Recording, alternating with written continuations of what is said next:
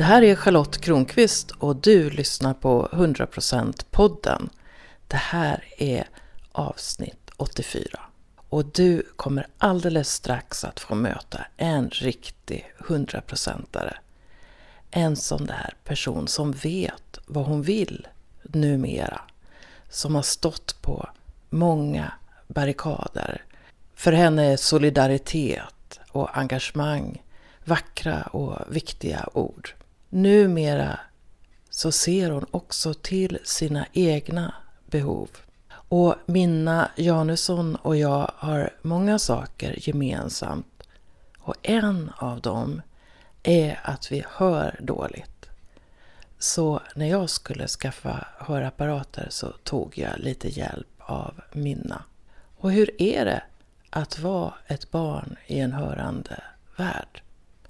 En del av det får du lyssna på i det här avsnittet av 100% podden. Jag befinner mig på Ståltrådsvägen med Minna Janesson. Välkommen hit! Hej! Trevligt att få komma hit. En av de saker som du gör som är viktig för mig, det är att du har hjälpt mig att få ordning på min hörsel. Ja, just det. Det har vi gemensamt, att vi hör dåligt. Och, och vet du, när, när jag tog kontakt med dig, jag var i processen att skaffa hörapparater och så var jag missnöjd med det bemötande som jag fick och det har varit ett, mycket problem med det där i Stockholm. Så skämdes jag så mycket för att ens prata om att jag hör dåligt. Är det konstigt? Ja, det är ju väldigt vanligt. Eh, och det är så märkligt att det är så. Jag har ju hört dåligt sedan jag föddes. Så för mig, jag har liksom riktigt, aldrig riktigt gått igenom den processen själv. Men jag ser ju det runt omkring mig. Hos människor som börjar höra sämre med ålder eller i, i vuxet liv. Att den där känslan av att känna sig dum kryper sig på. Och den känslan kan jag ju också ha ibland, särskilt när jag inte hör eller behärskar situationer. Om vi tar det här vuxna då, mitt perspektiv. Jag har ju glasögon inga problem och så började jag höra dåligt. Ibland så var det svårt att avgöra så här, ah, är, är det här normalt eller är det jag som hör sämre? Det är svårt att veta om man hör sämre än andra. Men i alla fall, när jag till slut då kollar det där så har jag en hörselnedsättning. Och nu har jag haft de här happarna som jag kallar dem för i vad det nu kan vara, ett och ett halvt eller två år. Och nu är det en del utav mig. Ja men visst är det märkligt när man, blir, när man får den där identiteten med sitt funktionshinder. Det är ju faktiskt jättemäktigt för då är man ju i sig själv igen. För att när man har någonting sånt där som kommer smygande som man inte begriper sig på eller förstår, det är ju då alla de här osäkerhetskänslorna kommer upp eh, hela tiden. Jag, jag ser ofta det. För mig var det också så, för att jag även om jag har hört dåligt hela mitt liv så, så var ju inte jag specialist på hörselskador eller hörapparater eller någonting. Men sen i vuxen ålder så av olika skäl så hamnade jag i en rehabiliteringssituation. Och, och, det var ju först då jag lärde mig och förstod vad det var som var min hörselskada och mina strategier och vad det var som kanske var jag bakom allt det där.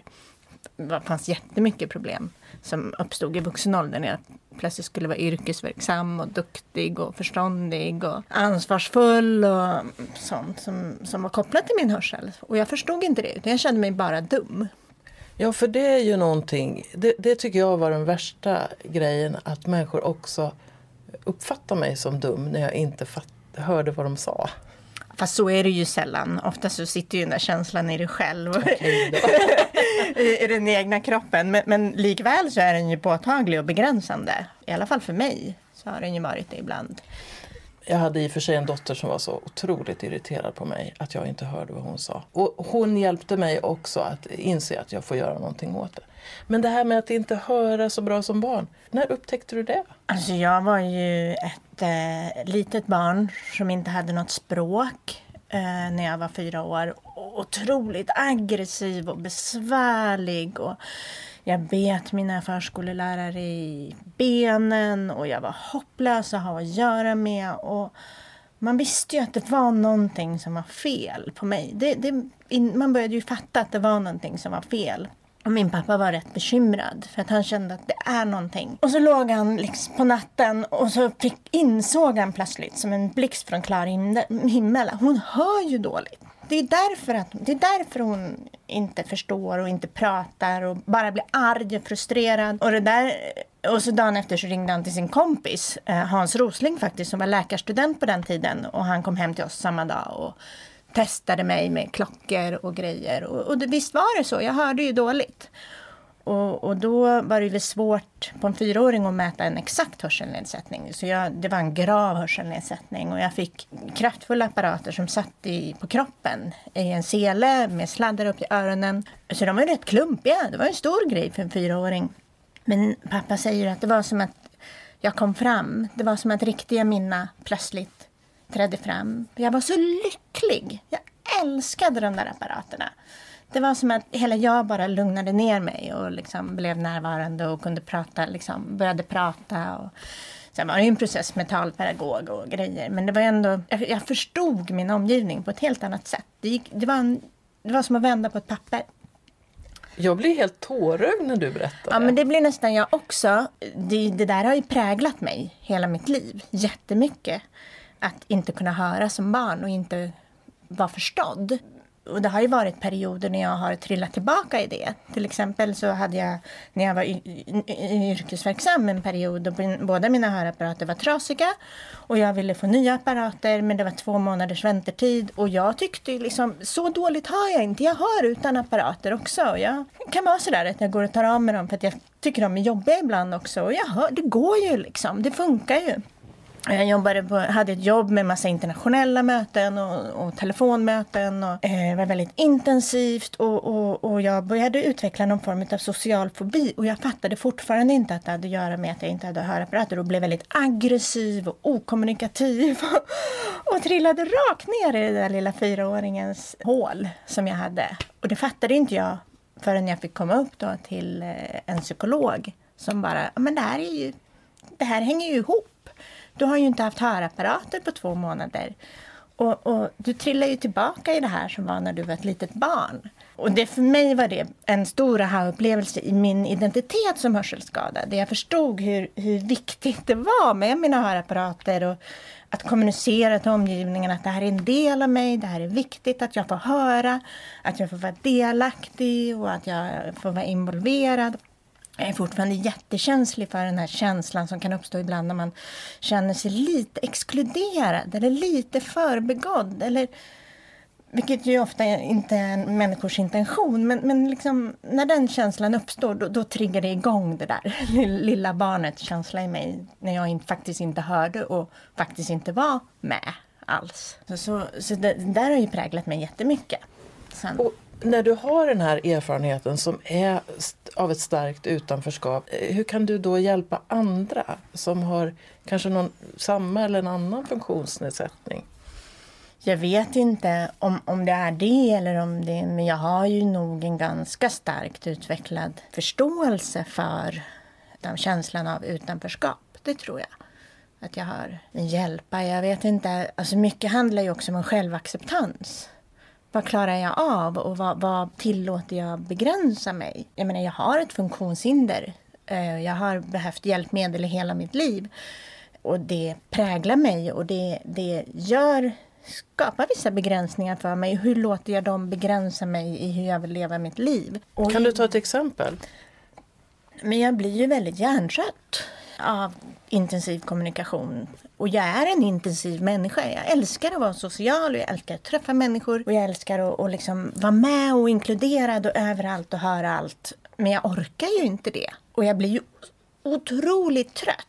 Det har ju funnits perioder när jag har haft väldigt intensivt på jobbet och så har jag två intensiva barn ett intensivt hem och så kommer man från det intensiva jobbet och så kommer man hem och så bara fortsätter kommunikationen. Och jag vill bara liksom stänga dörren och bara vara själv i en timme. Och det är ju och då kan jag ju känna mig väldigt otillräcklig som mamma och allt det här. Att jag, att jag bara inte vill ha med dem att göra och sådär. Och där har jag ju fått lära mig att hitta en självacceptans i det där. Att att det, det är okej. Okay. Det gör mig inte till en sämre mamma. Jag har behov. Det gör mig inte till en, en, en sämre än någon annan. Så länge jag tar hänsyn till mina behov särskilt. Jag måste förstå vad mina behov är. Då är de inte någon begränsning för mig längre. Men, men det där det tar tid och det är svårt. Och, du vet själv när man är trött, då blir man arg. det, det är tyvärr de flesta känner igen sig i. Och, och jag blir väldigt trött väldigt mycket och väldigt ofta.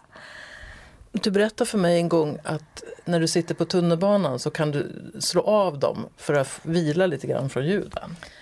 Ja, jag är ganska ljudkänslig också. Det är en effekt av att jag hör dåligt. Eh, för att det är som att ljud blir... Det är som att det jag hör får en överbelastning. Eh, det är inte så att alla som hör dåligt är ljudkänsliga, men det, jag är det. Och det har nästan det blir bättre om jag använder hörapparaterna. Så det är lite en ond cirkel. Samtidigt så kan jag tycka det är så otroligt skönt att bara slita av mig apparaterna och stänga av dem och gå in i min lilla luddiga, bubbliga värld där allting bara låter som bomull runt omkring mig och jag faktiskt egentligen inte hör någonting. Men det är liksom skönt, det är bara så vilsamt att bara få koppla bort allting. Så visst är det så. Och, och jag ibland så på en helg så kan det ju vara sådär att jag, nej, jag orkar inte ta på mig hörapparaterna. För det är ju ändå så att tar jag på mig hörapparaterna så är världen skarpare. För att de ljuden som hörapparaten förstärker är talljud och det är de skarpa ljuden. Och, och de, de behöver jag för att höra tal bra. Men jag orkar inte alltid. Och då, men har jag heller inte hörapparater en hel dag då är jag rätt grinig sen. Så då kan vara sådär att, att eh, hemma så får jag efter, nej nu, nu, får du inte fler chanser på det, nu får du gå och ta på dig hörapparaterna. så.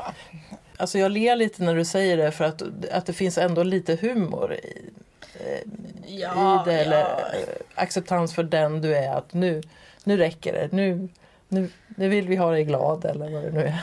Ja, nej men nu för tiden så har jag ju rätt stor liksom, identitet i min hörselskada. Jag hör inte. Och jag har så lätt att kommunicera det till min omgivning och jag har lätt att kommunicera mina behov. Och det finns ju som olika strategier i det här också. Att ibland så kan det ju vara så där att ja, men jag, hörseln är ju komplex på det sättet att, jag, att jag, den kräver mitt fokus på ett annat sätt att höra saker än när du är normalhörande. Och att hålla fokus tar energi. Jag kan inte lyssna passivt lika bra som normalhörande kan göra. Utan det är som att jag måste vara fokuserad. Och om, du, om jag då är i ett samtal hemma och så är jag fokuserad och så tappar jag fokuset och så drar tankarna iväg och så säger jag plötsligt någonting som är helt random. För det samtalsämnet lämnar vi för en halvtimme sen. Eller? Och så, så gör jag ju ofta i sociala sammanhang. Att jag säger goddag yxskaft. och så undrar folk, men, men det där har vi ju redan pratat om. Eller var kom det ifrån? Och så.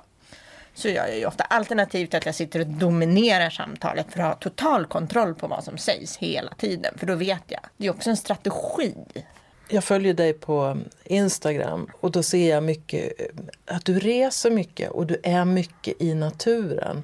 Och nu sitter vi den 8 mars här och gör det här samtalet och du har varit mycket i fjällen och så. Är det skönt för dig att vara i de miljöerna där du inte behöver prata hela tiden? Ja, det är det ju.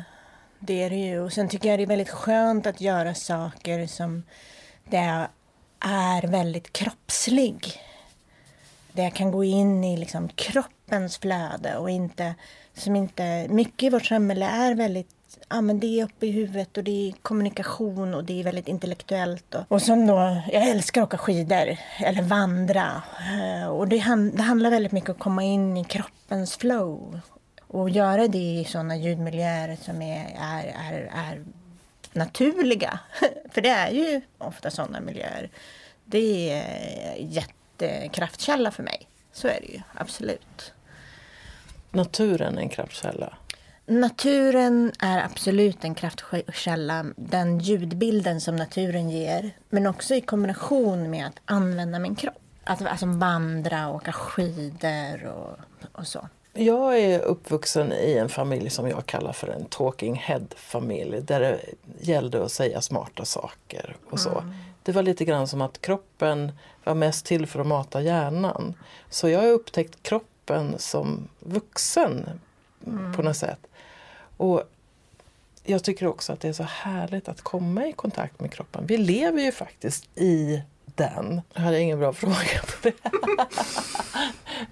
men men hur, hur gör du mer för att komma, alltså att, att, att hitta situationer där, där du får vara du? Alltså för mig så handlar det ju väldigt mycket om hela tiden en, en självacceptans av vad jag är. För att kunna vara ja, men 100% minna så handlar det ju väldigt mycket om att, att ha en, en, en, total acceptans av vad jag är. Och det är ju mina förmågor och min, min kropp och min, min hjärna. Och, och jag, i min om, jag kommer också från ett väldigt intellektuellt sammanhang. Eh, och jag känner mig ofta väldigt liksom lite korkad i relation till både min familj och många människor runt omkring mig. Men jag vet också att jag har en, en styrka i, i en väldigt fysisk närvaro och som jag själv liksom hämtar kraft i. Och det, det, jag har ett behov av um, att, att liksom vara skön i min kropp eller liksom närvarande i min kropp och, och ha kontakt med andra genom min kropp. Och, snarare än genom intellektet alltid. Bara i fysisk kontakt till exempel. Eller hitta de delarna av mig själv där jag liksom har utvecklat det. Och jag har ju lite grann, precis som du håller på med också, nu börjat lite grann med tantra och sådana delar. Och där har jag hittat jättemycket fysisk styrka. Att hitta den här andningen och flödet i, i mig själv och min egen njutning och det fysiska. Och allt sånt gör ju, får ju mig att känna mig så otroligt mycket smartare. än, vad jag, än vad jag kanske har känt mig på många, många år tidigare. Där, där jag liksom hela tiden har fått utnyttja min... Liksom, liksom det är det intellektuella, det är det som räknas. Men nu så känner jag ju de här styrkorna jag har i min, min fysiska och, och, kroppsliga närvaro och min uppmärksamhet får ju mig att känna mig ja, men smart. Det är spännande för jag ledde kurs i helgen, lekfull tantra och jag märker mer och mer hur min kropp är med. Och det blir också, jag får tillgång till min intuition och så. Och det blir mindre och mindre att tänka ut saker. Och så blir det bra. Ja, men det där flödet liksom. Men det där flowet och flödet. Och jag är ju en väldigt, jag har naturligt väldigt stor tillit till saker. Och jag har aldrig varit särskilt bekymrad eh, eller orolig i min personlighet. Jag oroar mig inte för saker. Men, men jag har, genom den här typen av närvaro så har jag ju mycket större tillgång till ja, men verklig närvaro. Och jag tror att jag har en del genom mitt funktionshinder. Mitt funktionshinder och min hörselnedsättning har ju på något sätt krävt det av mig. För att jag ska kunna orka. Så att det, för mig så hänger det, det hänger det ihop naturligt. En sak som jag funderar på det är vad har du för drivkrafter? Vad, vad, vad är det som gör att du väljer det du gör? Alltså jag har ju inspiration av saker som, som drar i mig och, och, lockar mig. Mina föräldrar har båda två varit eh, starka inspiratörer i mitt liv. Men eh, annars är ju kanske en, eh, en stark drivkraft att har alltid varit att jag har haft en väldigt stark medvetenhet om att jag har möjlighet att själv välja. Jag är inte en offerpersonlighet som hamnar i en offerroll. Utan jag har väldigt starka möjligheter att göra val varje dag och hela tiden. Och, på något sätt var in, och det har varit en stark drivkraft för mig att, att, att hela tiden fundera. Vad vill jag välja nu? Eh, hur vill jag välja det här? Och hela tiden tänka på att saker som hela tiden händer mig är väldigt mycket mina egna val. Och vad är då din relation? Alltså, för, för många människor låter ju bli att göra så mycket egna val för de är lite rädda för vad andra ska tänka. Mm. Har du kunnat frigöra dig en del från andras eventuella reaktioner? Alltså jag tror att jag var ju lite udda som barn. Jag var funktionshindrad. Jag hade, jag liksom hade hörapparater och, och liksom lite, lite konstig på olika sätt. Det, det präglade min personlighet som barn. Så jag var helt klart lite eh, udda. Och, och, det har ju gjort att jag på något sätt aldrig har, har jag har aldrig haft en stark drivkraft utav att vara någon mainstream i alla fall. Det har aldrig funnits där. Utan då är det så mycket lättare kanske att göra val som ligger lite utanför ramen. Eh, och jag har gjort massor med sådana val genom mitt liv. Jag har fött mina barn hemma i mitt hem. Jag har tänkt kring Eh, både ekonomi och, och liksom i mitt liv och mina, mina relationer och hur jag har eh, tänkt kring mina barns skolgång och vad, jag, vad, vad vi ska göra liksom, och varför vi ska göra. Och jag söker mig också väldigt gärna till människor som har gjort starka val i sitt liv. Jag umgås gärna med människor som har väldigt tydligt ansvar över sitt eget liv, har tagit det ansvaret. Eh, och frotterar mig gärna med den typen av människor. För jag tycker att de är smarta och inspirerande. Och det är också en, en form av drivkraft för mig. Att, att vilja vara med i den typen av miljöer där jag märker att folk väljer själva. Du är ingen typisk konsument med andra ord.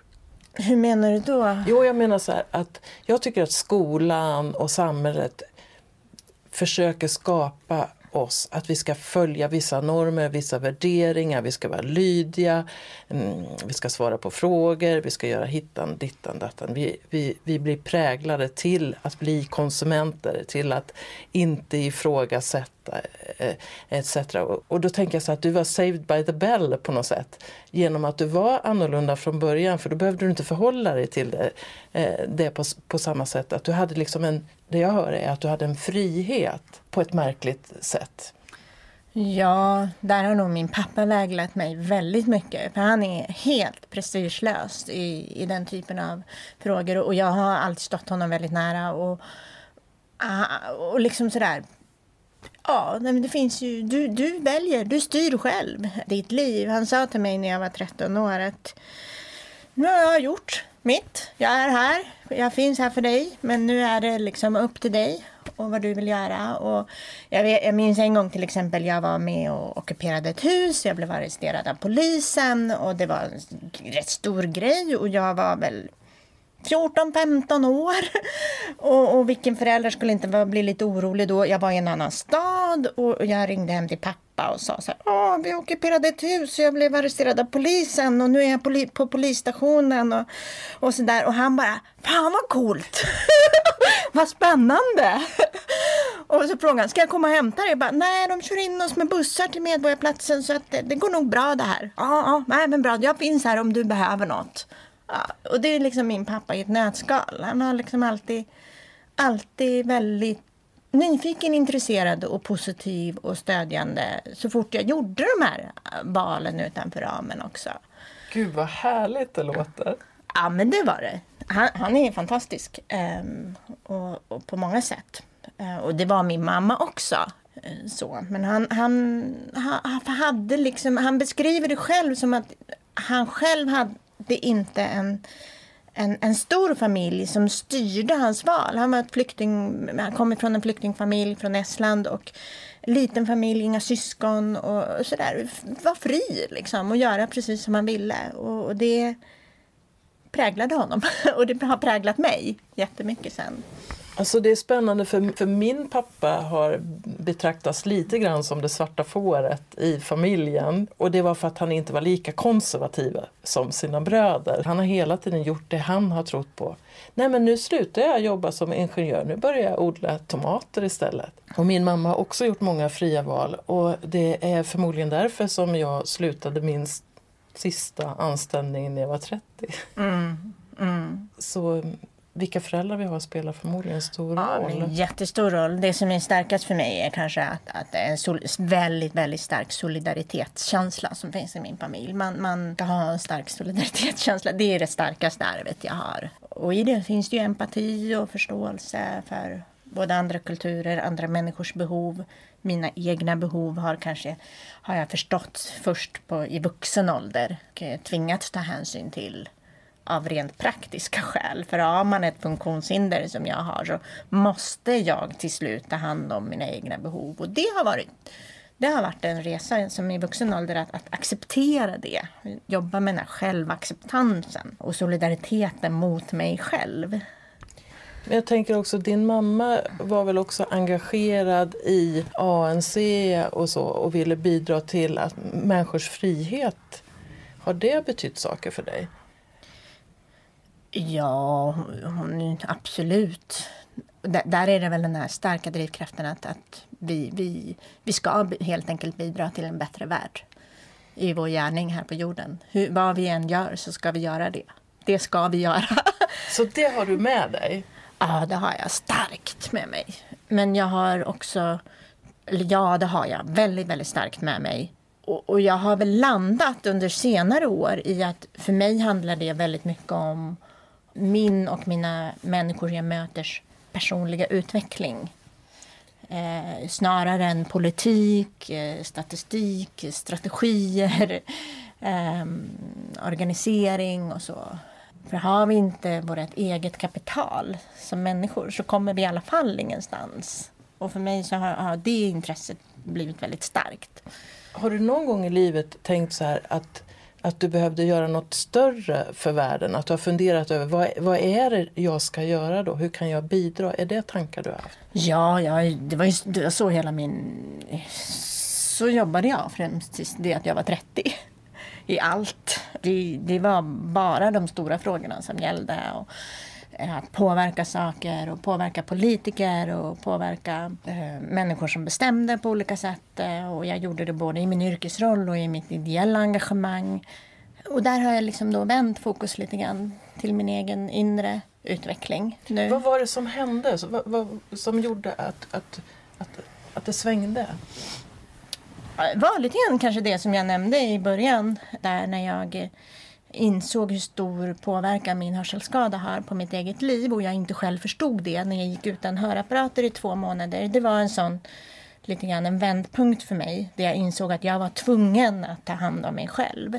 Jag kunde inte bara köra på eh, på det sättet. Och jag fick också väldigt lite förståelse i den situationen jag var i. För att där jobbade man väldigt starkt för saken. Vilket jag också gjorde. Jag är otroligt lojal med de frågor jag jobbar med. Och jag tog ju verkligen inte hänsyn till mina egna behov. Jag såg inte ens mina egna behov. Jag begrep inte ens mina egna behov.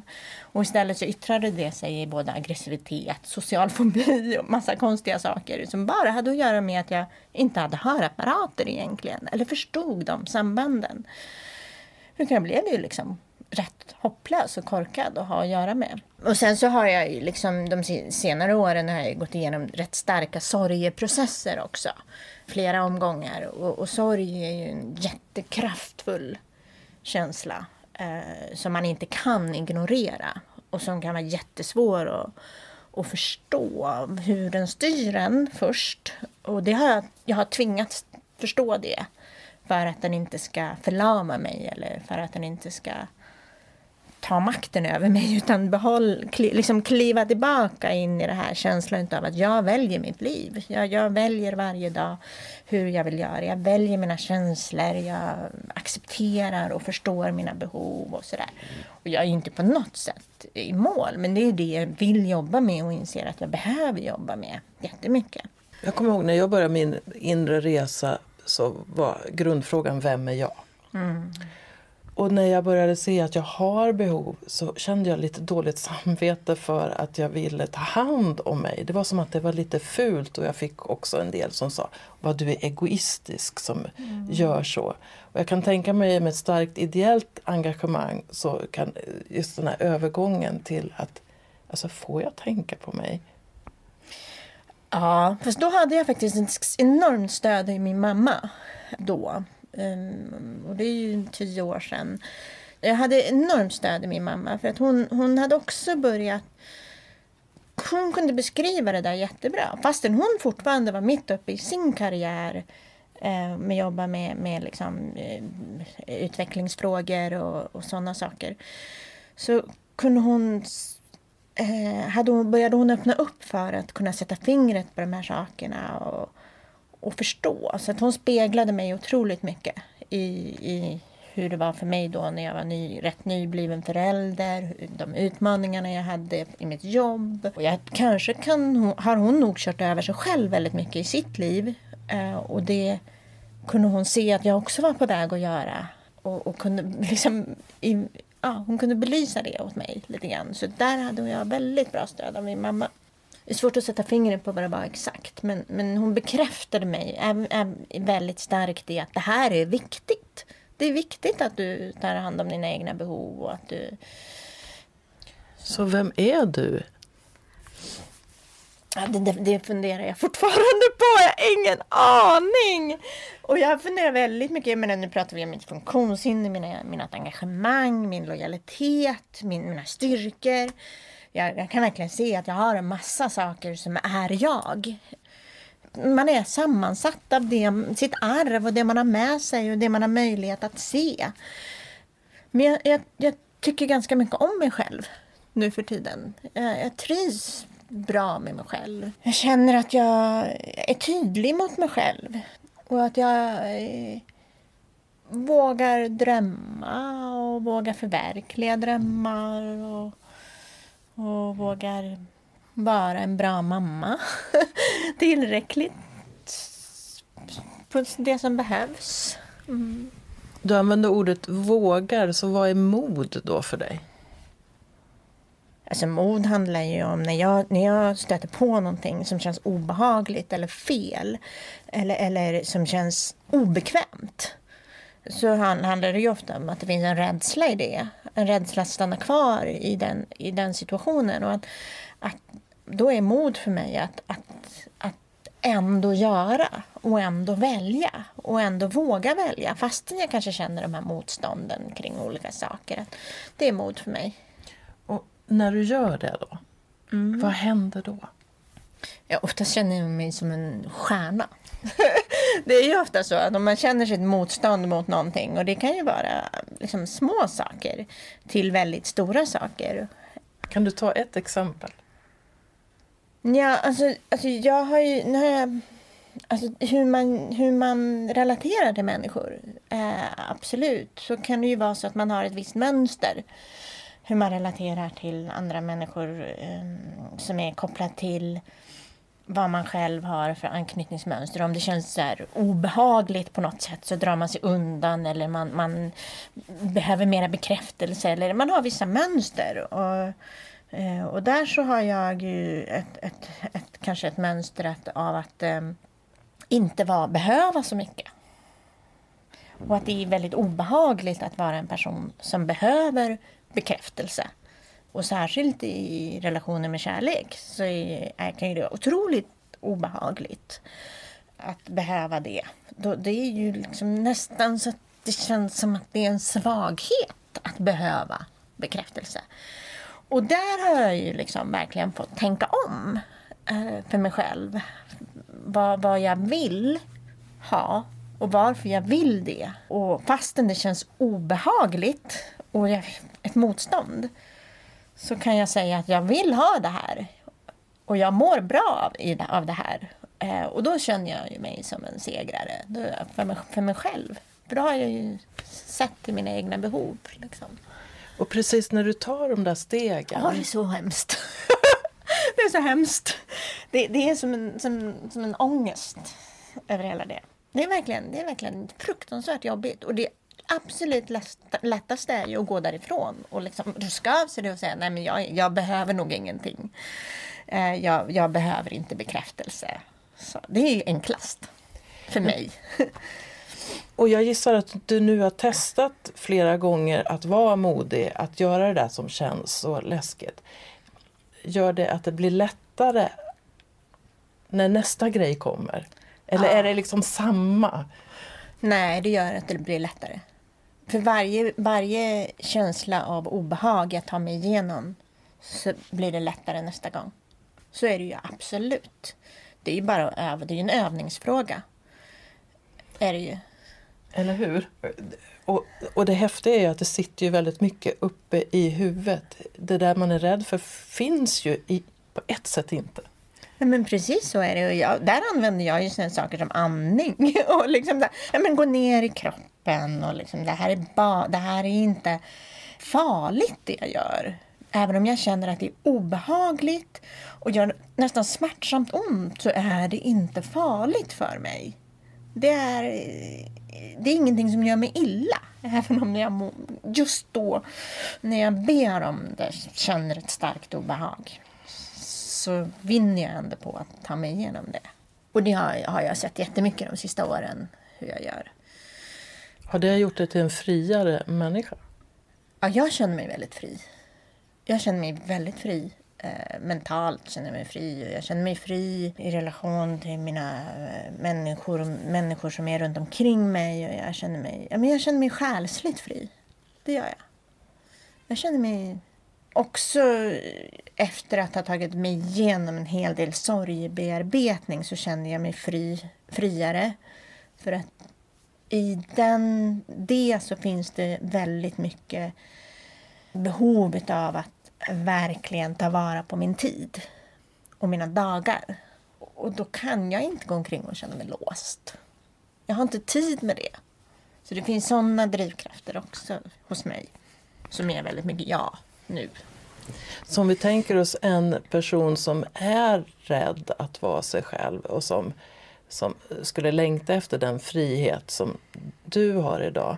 Vad skulle den personen kunna ta för första litet steg för att visa för sig själv att jag kan överleva lite mer frihet?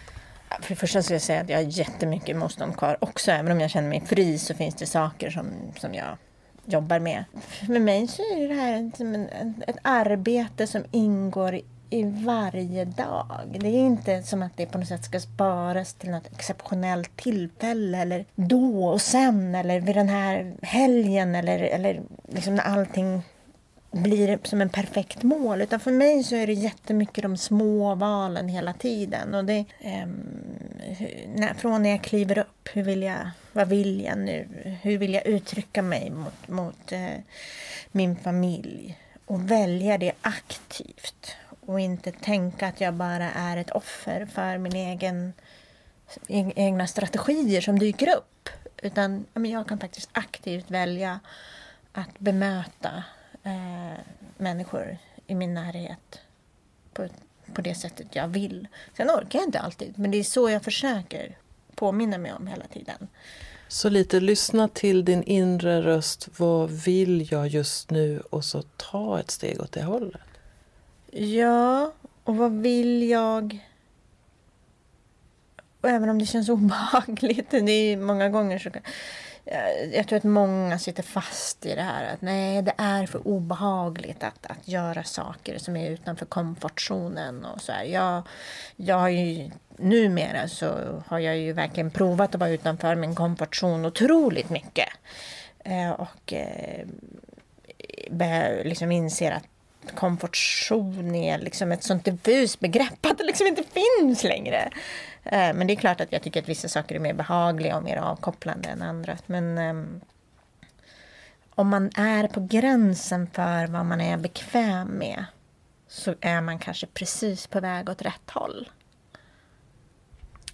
Tänk på det du som lyssnar, nu är det på gränsen. Mm. Då kan du vara på rätt håll. Tack Minna! Åh, tack själv Charlotte! Vad skulle vara modigt av dig att göra? Och kan du stå ut med att tänja på din komfortzon för att upptäcka vad du vill med ditt liv? Spännande tanke, eller hur?